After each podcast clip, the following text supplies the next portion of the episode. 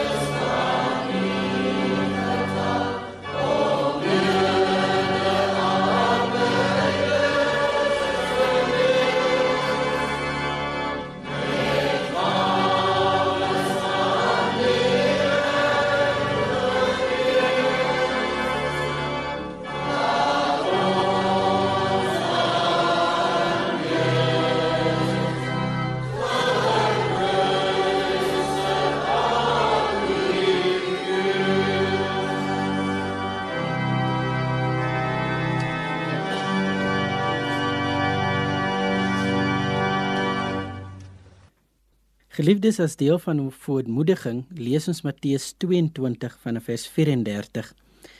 Die opskrif sê liefde is die belangrikste opdrag. Toe die Fariseërs hoor dat Jesus met sy antwoord die Sadduseërs skout gesit het, het hulle bymekaar gekom om 'n nuwe plan teen hom te bedink. Een van hulle, deskundige op die wet, het hom toe met die volgende vraag probeer vastrek. Leermeester, vra hy: "Wat is die belangrikste opdrag van die wet van Moses?" Jesus se antwoord was: "Jy moet die Here jou God lief hê met jou hele hart, met jou hele siel en met jou hele verstand. Dit is die eerste en belangrikste opdrag. Die tweede, ewe belangrikste opdrag is: jy moet jou naaste lief hê soos jouself." Al die ander vereistes van die wet en die profete berus op hierdie twee gebooie. Geliefdes, ons het in hierdie week en maand teenoor die Here gesondig. En daarom is ons skuldig teenoor die Here. Maar God gee vir ons geleentheid om ook ons sondes vir hom te bely. Ek gaan vra dat ons dit saam gaan sing Gesang 253 net soos ek is. As 'n lied waarin ons ook ons eie skuld voor God bely.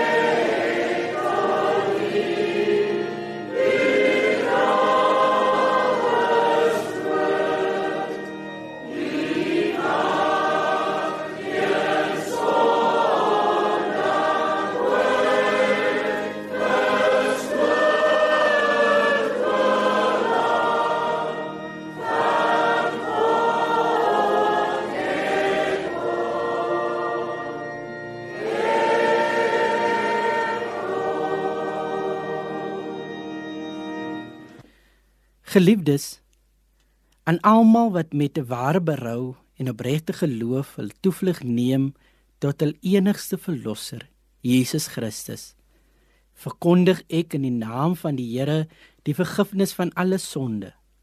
Maar aan elkeen wat in die sonde volhard en die genade verwerp, verkondig ek in die naam van die Here die toorn en straf van die Here. Maar mag ons hierdie geleentheid gebruik om ons sondes vir hom te bely. Geliefdes, kom ons bely ons geloof teenoor die Here deur die volgende te sê: Ek glo in God die Vader, die almagtige, die skepper van die hemel en die aarde, en in Jesus Christus, sy enige gebore seun, ons Here, wat ontvang is van die Heilige Gees, gebore is uit die maagd Maria wat gelei het onder Pontius Pilatus gekruisig is gesterf en begrawe is en ter jalle neergedaal het wat op die derde dag weer opgestaan het uit die dode wat opgevaar het na die hemel en sit aan die regterhand van God die almagtige Vader van waar hy sal kom om te oordeel die wat nog lewe en die wat reeds gesterf het. Ek glo in die Heilige Gees. Ek glo aan 'n heilige algemene Christelike kerk, die gemeenskap van die heiliges, die vergifnis van sondes, die opstanding van die vlees en 'n ewige lewe. Amen. Geliefdes, ons lees saam uit Lukas hoofstuk 19 vanaf vers 1 tot vers 10. Die opskrif sê die seun van die mens gaan tuis by Saggeus. Vers 1 lees: Jesus het Jerigo binne gegaan en deur die stad gestap. Let wel, daar was iemand met die naam Saggeus. Hy was 'n hooftollenaar en 'n ryk man. Hy het sy bes probeer om te sien wie Jesus is, maar hy kon nie vanweë die skare en omdat hy kort was. Hy het vooruit gehardloop om voor te kom en in 'n vrye boom geklim om Jesus te sien omdat hy daarso verbygaan. Toe Jesus by die bepaalde plek kom, het hy opgekyk in die boom en vir Saggeus gesê: "Saggeus, klim hastig af, want ek moet nog vandag by jou tuis gaan." Saggeus het toe hastig afgeklim en Jesus opgewonde ontvang. Almal wat dit gesien het, het protesterend gesê: "Hy het werklik waar tuis gegaan by 'n sondige man." Saggeus het opgestaan en vir die Here gesê: "Here, ek gaan die helfte van my besittings aan die armes gee. En as ek iets van iemand met 'n slenter bekom het, gee ek dit vierdubbel terug." Jesus sê toe vir hom: "Vandag het daar verlossing vir hierdie huis gekom, omdat ook hierdie man 'n seun van Abraham is. Ek, die seun van die mens, het gekom om wat verlore is te soek en te red." Kom ons bid saam. Here, dit is in hierdie uur wat ons besef dat U vir ons almal gekom het. Dat U na 'n wêreld gekom het waar mense soekend is, mense stikkend is, mense gebroke is. En U het juis gekom om mense heel te maak. Mag U dus ook deur die bediening van U woord vanoggend ook mense aanraak in Jesus naam. Amen. Geliefdes, die evangelie van Lukas het 'n besondere kenmerk teenoor die ander evangeliese weergawe van Jesus se wandel op aarde. Nou in teenstelling met die ander evangelies soos Matteus, Markus en Johannes, fokus Lukas nou in besonder op Jesus se hart vir die armes, vir die onderdruktes, vir die marginaliseerdes en hulle wat deur die gemeenskap verstoot word. En daarom die verhaal van Lukas waar Jesus met sy gees ontmoet, moet dus binne hierdie konteks ook gelees en ook verstaan word. En in hierdie gedeelte word Jesus geken as die een wat hom verenselwig met met die ander. En in hierdie konteks verwys die ander na diegene wat nie aan die morele standaarde voldoen soos wat die Joodse tradisie en geskrifte van hulle vereis nie. Maar nog meer Die ander is ook diegene wat nie aan een tafel kan sit met die wat die wet getrou en slaafs navolg nie. Behalwe dat die ander binne hierdie konteks nie aan die tafel van die wetsgetroue Jode kan sit nie, sal hierdie ander mense volgens die wet gehoorsame Jode nooit die voorreg kan geniet om saam met God maar ook selfs aan een tafel kan sit met hulle Messias Jesus Christus nie. En ten laaste, geliefdes, is die ander diegene wat al reeds veroordeel was deur die opsieners van die wet, naamlik die skrifgeleerdes en die fariseërs, en vir wie daar volgens die mense geen genade meer was nie. Ten minste die skare wat Jesus gevolg het, sommige van hulle so geglo. En doelbewus het hulle sekere mense daardeur op die kantlyn geskuif wat God se genade en barmhartigheid betref. En sy gees was deel van die ander mense. Dalk nie een wat arm was nie, nie een wat werkloos was nie, maar beslis een wat nie deur die selfregverdigende Jode aanvaar was nie. Al was hy ook deel van die verdrukkers vir hulle gewerk, die Romeine in wie se diens hy as tonnelaar ook gewerk het, was hy ook self verwerp. Hy was onderdruk deur die wat hulle oordeel alreeds oor hom uitgespreek het. Die wat hom gesien het as die sondaar aan wie se tafel Jesus weer gaan sit. Hy het nie nodig en dis hoe hulle sou reken om eintlik verstaan te word nie. Hy het nie nodig om gehoor te word nie want ons het alreeds die oordeel gevel. Hy verdien nie om aan een tafel met Jesus te sit nie. En dit is hoe hulle sou redeneer. Ja, geliefdes, sy gees het nie net geld gesteel nie. Hy was ook verwerp, onderdruk deur sy eie mense. En dit het tyd geword dat ons ook mekaar se stories begin hoor en probeer verstaan en begryp dat daar ook 'n ander kant van die storie is as net wat ons gewoonlik hoor dat hy ook van die geld teruggehou het van die tolgeld. Het hy ook sy eie storie gehad. Deels van die storie was dat sy gees klein van gestalte was. Baie mense het hom dalk gespot, soos ook vandag by die sonnaskool onderwysers en sonnaskoolkinders, hulle spot hom nou nog. Elkeen kan dit net tot op 'n punt vat. Wat maak ons is my vraag. Is dit jou funksie wat wat jy verrig? Is dit wat jy besit? Is dit wie jy is? Is dit wat wat vir jou mens maak? Is dit wat vir jou aanvaarbaar maak? En die samelewing het hulle eie reëls oor hoe mense gesien word as suksesvol of onsuksesvol. En om na hierdie standaarde na te streef, kan 'n mens frustreerd maak want jy sal nooit mense tevrede kan stel nie. Jy sal nooit die regte klere wees nie. Jy sal nooit die regte status hê nie. En as jy gaan doen soos wat die samelewing bepaal, dat jy soms ook vir jou nuwe motor koop want dit is waaraan mense gemeet word wat soms suksesvol is, dan gaan jy weer oormôre weer 'n nuwe motor moet koop want elke keer word die doelpale net geskuif. En sy gees, sy gestalte, die feit dat hy klein was, moes hy altyd iets ekstra probeer doen. Nou ek weet nie, maar daar's mense, jy weet, wat nou ook so sy gees kort is en dis asof hulle altyd 'n punt moet bewys mense wat deur mense verstoot word en nie soos hulle is nie. Hulle moet altyd hulle uiterste bes doen om gesien te word, om gehoor te word. En daarom sy gees gaan klim in 'n boom. Hy doen sy uiterste bes om Jesus te sien. Om net ook 'n plekkie onder die son te kry. Hy veg ook vir sy eie bestaansreg. En hierdie mense soms Hulle hulle lewe is puntenerig. Soms wil hulle perfeksionisties wees. Hulle is bang om 'n fout te maak want hulle probeer net ander mense tevrede stel. En dit is hoe ek sy gees gesien. Sy gees klim daar in die vrye boom en niemand het eintlik dalk hulle oë ook gefestig op sy gees nie. Hulle oë was nou net gefestig op Jesus wat toe nou hulle dorpie kom besoek het en daar is 'n gees in die boom.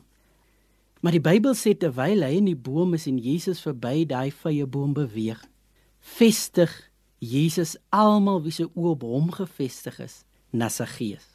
Want Jesus kyk op en hy kyk na sy gees in die boom en en en, en ek sien hoe dit gebeur hoe dat hoe dat Jesus opkyk na sy gees en almal Jesus se oë volg direk daar wat sy gees is. Jy sien baie kere dan is ons oë so gefestig op Jesus, ons is so in aanbidding dat ons nie Jesus se oë volg na daar waar dit saak maak nie. Na die mense wie in pyn is. En op daardie stadium vestig Jesus almal se oë op sy gees. Hulle moes praat oor iemand waaroor hulle nie wou praat nie. Dalk iemand wat hulle sê het hulle seer gemaak, het van hulle geld gesteel. Jesus bring opnuut sy gees wie op die kantlyn is in die middel van die gesprekke. En nie lank nie begin almal te praat oor sy gees. Die skrif wil ook nie vir sy gees goed praat nie. Die teks beeld sy gees uit as 'n een wat mense bedrieg het, mense se geld beroof het. Mense seer gemaak het. Een wat nie goeie menseverhoudinge gehad nie. En so kan ons aangaan en dalk sê hy moes nie eers 'n verskyning in die Bybel gemaak het nie, want hy sit nie waardig nie. Liewe broers en susters, sy gees was 'n sondaar, persoon wat mense bedrieg het, iemand wat mense seer gemaak het. Maar Jesus roep vir sy gees te midde van almal en toon belangstelling. Toe Jesus gasvryheid teenoor sy gees bewys, En in antwoord op Jesus se gesindheid besluit sy gees om ook sy lewe te verander. Om die mense wat hy seer gemaak het, beroof het, afgepers het om met hulle reg te maak, net omdat Jesus sy rigting gekyk het. Jesus durf anders kyk na mense. In die Lukas Evangelie veral Lukas 6 vers 17 tot 49 wat handel oor die saligsprekinge, gaan sit Jesus nie op 'n berg en leer nie. Hy gaan sit op gelyke grond met die armes. Inteendeel, Lukas se evangelie is die enigste evangelie wat fokus op Jesus as die een wat sê salig is die armes. Jesus bewys vir ons die teendeel. Jesus betoon die gees van gasvryheid. Jesus maak ruimte in sy skedule vir 'n man soos sy gees. Iemand met slegte gewoontes, iemand met 'n slegte karakter, iemand wat geen moraliteit toon nie. Jesus vind dit goed om met hom aan tafel te sit. Jesus vind dit goed om met sy gees in gesprek te tree. Geliefdes, sy gees was nie van 'n ander nasie nie. Sy gees was deel van dieselfde volk wat hom as as die ander gesien het. Hy was 'n Jood en hulle wie hom veroordeel het was ook Jode. Hulle was van dieselfde etniese groep en tog het hulle nie langs een tafel gesit nie. Ons ervaar hierdie spesifieke omstandighede in ons eie gemeentes vandag. Ons ervaar in ons kerk hoe sekere mense hulle meer regverdig ag as ander mense. Hulle dink hulle is meer heiliger as ander mense.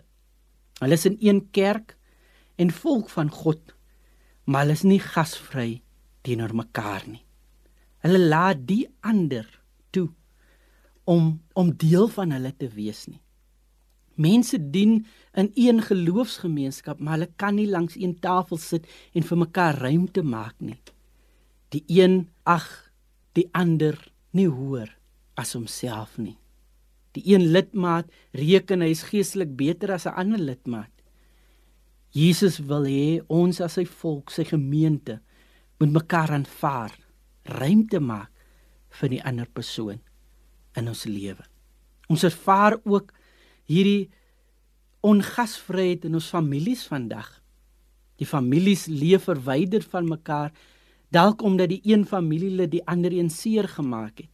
Families haat mekaar deur 'n klein fout wat begaan is deur een lid. Ons is nie bereid om by mekaar uit te kom, mekaar lief te en gasvryheid te betoon nie. Ons verkies liewer om mekaar te oordeel. Selfde gebeur ook en vind ook gestalte binne binne huwelik waar God sê 'n man sal sy vader en moeder verlaat en sy vrou aanklef en hulle sal een vlees word. Is dit nie so dat daar tussen man en vrou soveel verdeeldheid soms ontstaan dat hulle self vir 'n ruk lank nie met mekaar praat nie, selfs nie langs een tafel sit nie. En in die mees erger gevalle nie eens een in een vertrek slaap nie. God vra van ons ook as 'n gemeente om nie die ander te veroordeel nie, maar om aan mekaar gasvryheid te betoon. Die een toe te laat in sy eie ruimte. Maar meer nog, geliefdes, dat ons leer om na mekaar te luister, mekaar te verstaan, soos wat Jesus ook probeer het om sy gees te verstaan, om vir hom ruimte te maak. Kom ons gaan terug na ons werkplek, ons familie, ons huweliksmaat en ons medelidmate in die gemeente en ons maak ons verhoudinge reg terwyl ons aan hierdie begin van hierdie jaar staan. Want dit is immers wat God van ons verlang. Sy gees sou nooit boedel oorgegee het nie. Hy sou nooit gesê het ek gaan nou regmaak met met almal aan wie ek verkeerd gedoen het nie. Hy het dit juis begin doen toe daar iemand is wat hom nie veroordeel maar wat uitreik. Toe Jesus uitreik na hom, toe Jesus in sy huis sit saam met hom eet. Toe sonder dat Jesus enigiets hoef te sê, het sy gees gesê hy wil hy wil teruggee dit wat hy van mense gevat het. Iemand wat nie belangstel in sy vuil wasgoed nie. Iemand wat net vir hom kans gee as 'n kwesbare mens om op sy skouer te leun. Iemand wat sê ek wil saam met jou kom eet ek wil by jou huis tuis gaan. Kan ons vandag aan hierdie begin van hierdie jaar ook vir mekaar sê ek wil na jou luister. Ek wil vir jou ruimte maak. Ek wil vir jou veilige spasie bied. Dit is nodig sodat ons ook met mekaar kan versoen. Amen. Kom ons bid saam. Hemelse Vader, as ons ook vanoggend na u woord luister, dan besef ons opnuut Here dat u u ken ons sonde en u ken ons ongeregtigheid. U weet waar ons gefaal het in hierdie lewe. U weet hoeveel mense ons dalk leed aangedoen het.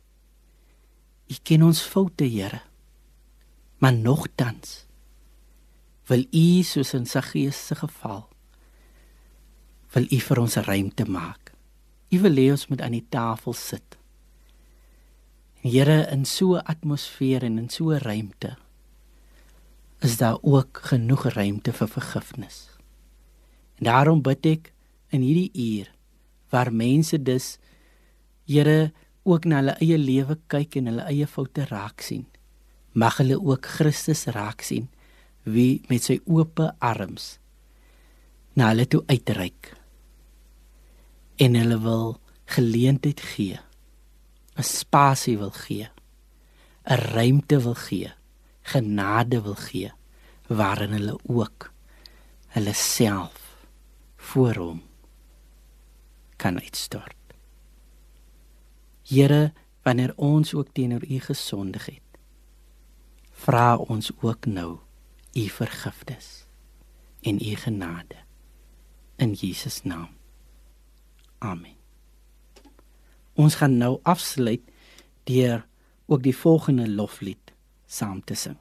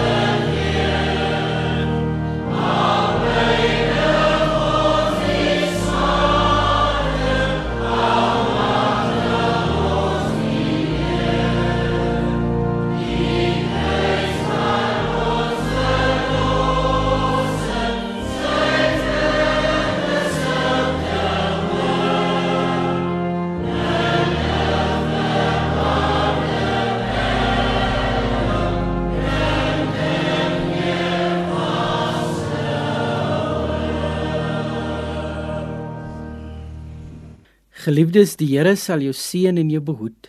Die Here sal sy aangesig oor jou laat skyn en jou genadig wees. Die Here sal sy aangesig oor jou verhef en aan jou vrede gee. Amen.